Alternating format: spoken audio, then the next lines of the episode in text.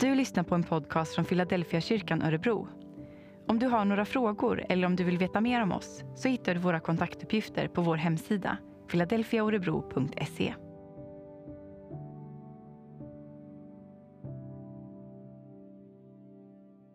För några veckor sedan så fick jag prata med en person som eh, inte kommer från ett kristet sammanhang men som har börjat gå i kyrkan i vuxen ålder. Hon har gett mig tillåtelse att berätta det här, bara så att ni är med på det. Vi pratade om vilken otroligt unik och speciell gemenskap församlingen är. Hon var så fascinerad över att människor från så olika generationer, samhällsklasser och etniciteter kan ha så varma och kärleksfulla relationer. Barn och pensionärer, sjuka och friska, invandrare som flytt från sina hem, före detta missbrukare, småbarnsföräldrar, universitetsstudenter, företagare, arbetssökare och så vidare. Den här listan kan göras lång. Och vi pratar om hur vackert det är och hur värdefullt det är för oss människor att få finnas med i en sån gemenskap som församlingen är. Och vi kunde faktiskt inte komma på en annan plats i samhället där man har sådana här relationer så som man har i församlingen. De flesta av er tror jag håller med mig om att församlingen är en fantastisk och unik gemenskap. Och jag tror också att ni håller med mig om att församlingen också har sina utmaningar och kan vara riktigt svårt att vara ibland. Vi är ju som sagt väldigt olika. Vi har olika intressen. Vi har olika hjärtefrågor och olika sätt att göra saker på.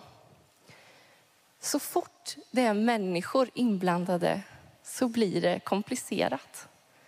Det är helt naturligt och mänskligt.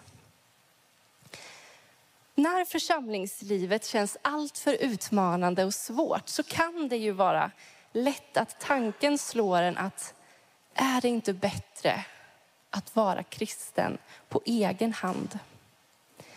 När jag var ungdomsledare och jobbade med konfirmander så fick jag den frågan några gånger. Kan man vara kristen på egen hand? I vårt individualistiska konsumtionssamhälle så tänker jag att den här tanken inte är så främmande för oss. I alla fall inte för den yngre generationen som är helt marinerad av att vara fri, självständig och uppmuntrad till att leva ett självförverkligande liv. Att vara kristen på egen hand, det skulle passa in rätt så bra i en sån livsstil. Att själv kunna bestämma vad som passar mig bäst. Och om jag vill gå på gudstjänst till exempel så kan jag bestämma när, var och hur. Jag slipper alla konflikter, tider att passa och jag får mer tid för mig själv.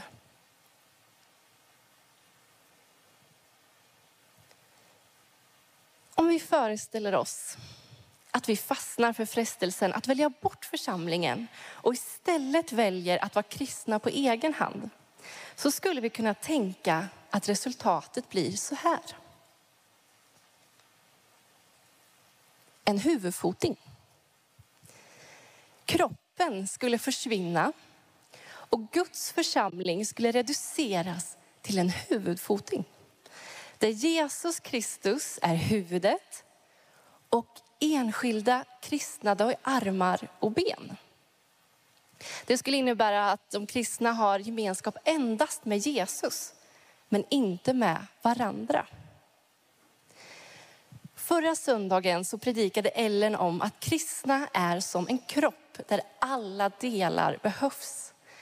Guds tanke med församlingen är att vi hör ihop och vi behöver varandra.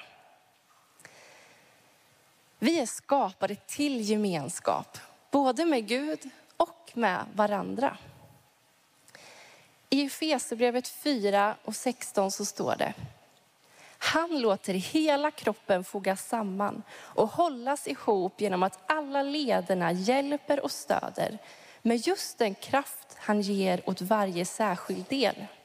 Då växer hela kroppen till och byggs upp i kärlek. Och jag vill stanna till vid ordet kärlek.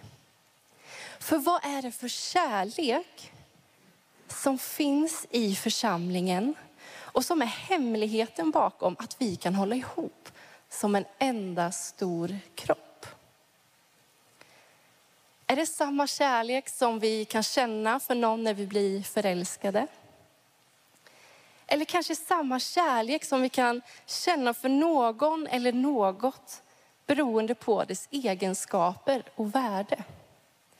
Till exempel som man kan uttrycka, jag älskar Johan Glans för han är så rolig. Eller, jag älskar choklad för det är det godaste som finns. Eller, jag älskar Bonde söker fru för det är så mysigt. Är det den luststyrda kärleken som håller ihop församlingskroppen? Den som grundar sig i att vi får ut någonting av att älska och visa kärlek.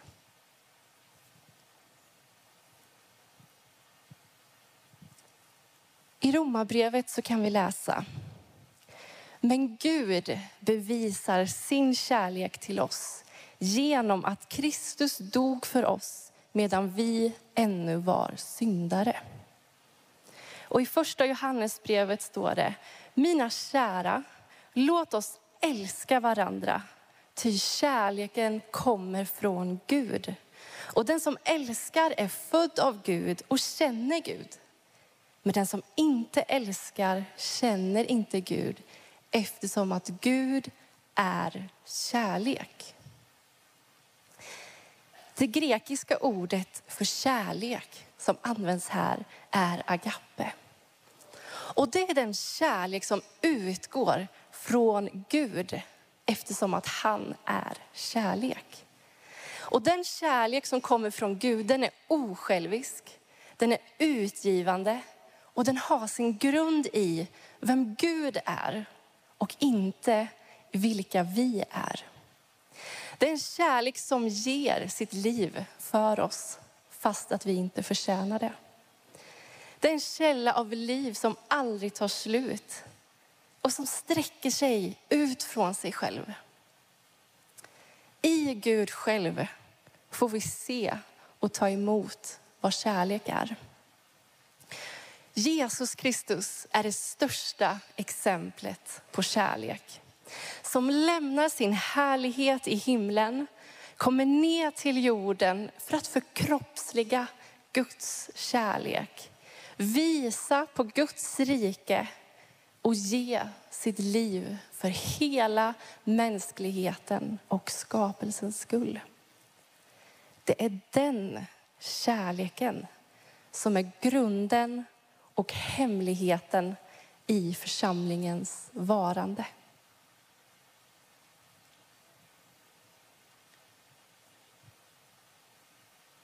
Paulus han talar om församlingen och kyrkan som en hemlighet som egentligen inte har så många instruktioner i Bibeln. Istället så åskådliggör Jesus församlingen med sina lärjungar. Han lär dem vad det innebär att vara en efterföljare till honom. Och det är i mångt och mycket grunden för församlingens liv och identitet. Man kan se det som att Jesus själv gör och lär sina lärjungar att leva i tre relationsriktningar. Uppåt, inåt och utåt. Uppåt är relationen till Gud, Fadern. Inåt är relationen till gemenskapen. Och utåt är relationen till de människor och den värld som de möter och är kallade att tjäna på olika sätt. Vi ska läsa från Johannes evangeliet kapitel 15, vers 11-17. Och jag läser från The Message översättning. Jag har älskat er som min far har älskat mig. Gör er hemmastadda i min kärlek. Om ni håller mina bud blir ni kvar tätt intill min kärlek. Det är det jag har gjort. Hållit min fars bud och gjort mig hemmastad i hans kärlek. Det finns en anledning till att jag säger detta. Det är för att min glädje ska bli er glädje och för att er glädje ska mogna fullt ut. Detta är mitt bud. Älska varandra så som jag har älskat er. Det är den överträffande kärleken. Våga livet för era vänner. Ni är mina vänner när ni gör som jag säger. Jag kallar er inte längre tjänare, för tjänare vet inte vad deras herrar tycker och tänker. Nej, jag kallar er vänner eftersom att jag har avslöjat allt som jag har hört av Fadern för er. Glöm inte att det inte var ni som valde mig. Det var jag som valde er och planterade er i världen för att ni skulle bära frukt. Frukt som håller. Som fruktbärare får ni av Fadern allt ni ber om i relation till mig. Men glöm aldrig budet som är roten till allt detta. Älska varandra. Jesus kallar sina lärjungar vänner. Vilket i det här sammanhanget är synonymt med att vara älskad. Ordet vän kommer från verbet att älska och har även innebörden om att man ska vara beredd att ge sitt liv för andra. Och Jesu kärlek till sina lärjungar är exceptionell. Det är han själv som har valt ut dem. Inte för att de är duktiga, smarta eller de bästa, utan för att han älskar dem. Och på samma sätt som Jesus kallade de första lärjungarna för vänner, så kallar han även dig och mig för vänner. Vi är hans älskade och vi är också utvalda att få leva i relation till Gud och till varandra och till människor som, vi, som lever i den här världen. I första Johannesbrevet kan vi läsa att vi älskar därför att han först har älskat oss. Om någon säger att han älskar Gud men hatar sin broder så är han en lögnare. Till den som inte älskar sin broder som han har sett kan inte älska Gud som han inte har sett. Och detta är det bud som vi har från honom. Att den som älskar Gud också ska älska sin broder.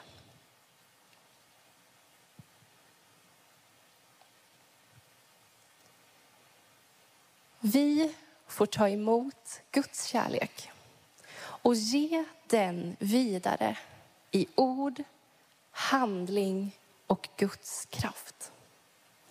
I kyrkans 2000-åriga historia så finns det fullt av vittnesbörd om människor som har fått ta emot Guds kärlek och som har gett den vidare. Och jag vill dela med mig av ett sådant vittnesbörd. Det var i Alexandria på 200-talet efter Kristus. Det var en tid av förföljelse för de, eh, förföljelse för de kristna. En del fick kastas i fängelse medan en del fick lida martyrdöden. Det var också en tid av krig och hungersnöd. Och till råga på allt så utbryter pesten.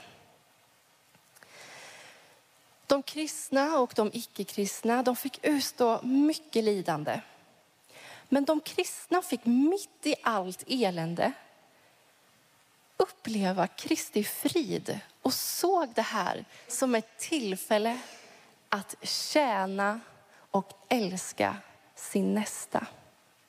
Och jag ska läsa ett stycke ur Eusebius kyrkohistoria.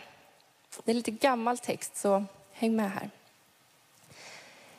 I översvallande kärlek och brödratillgivenhet skonade de flesta av bröderna icke sig själva utan de höll fast vid varandra. besökte de sjuka utan att akta sig, tjänade dem uthålligt, vårdade dem i Kristus och skildes gärna hädan till lika med dem. I det de smittades av de andras lidande drog sjukdomen på sig från de andra och villigt i sig upptog deras smärtor. Många som vårdat andra och återgivit dem krafter, krafter dogo själva. I det de överflyttade deras död på sig själva. Och det folkliga ordet som alltid tyckts uttrycka blott vänlighet fullgjorde de nu i gärning. I det de gingo bort som deras ringaste tjänare.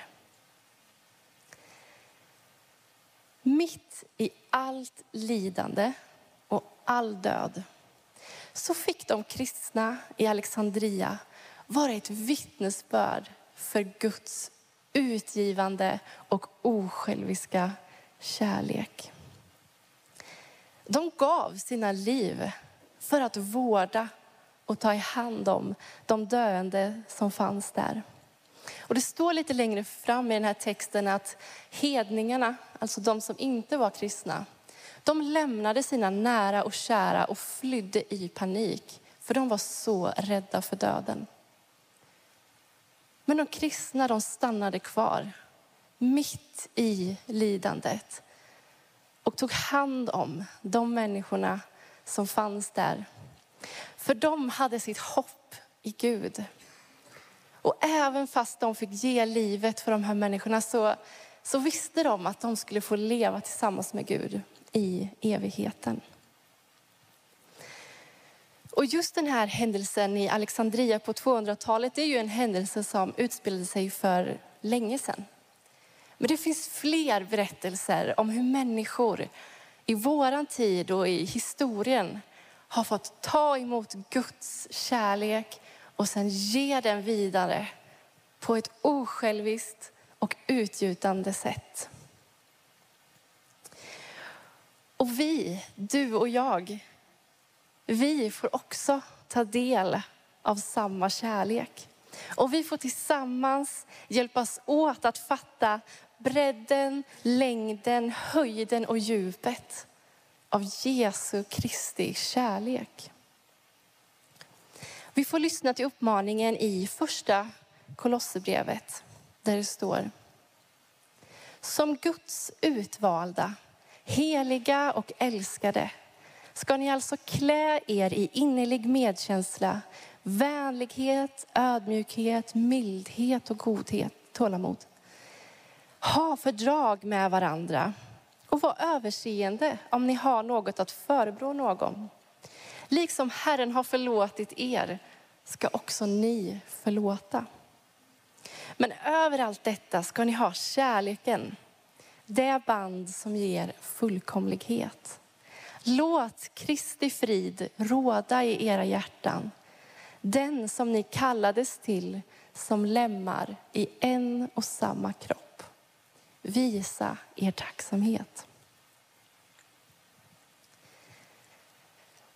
Som avslutning på predikan så vill jag att vi tänker oss församlingen som en cirkel.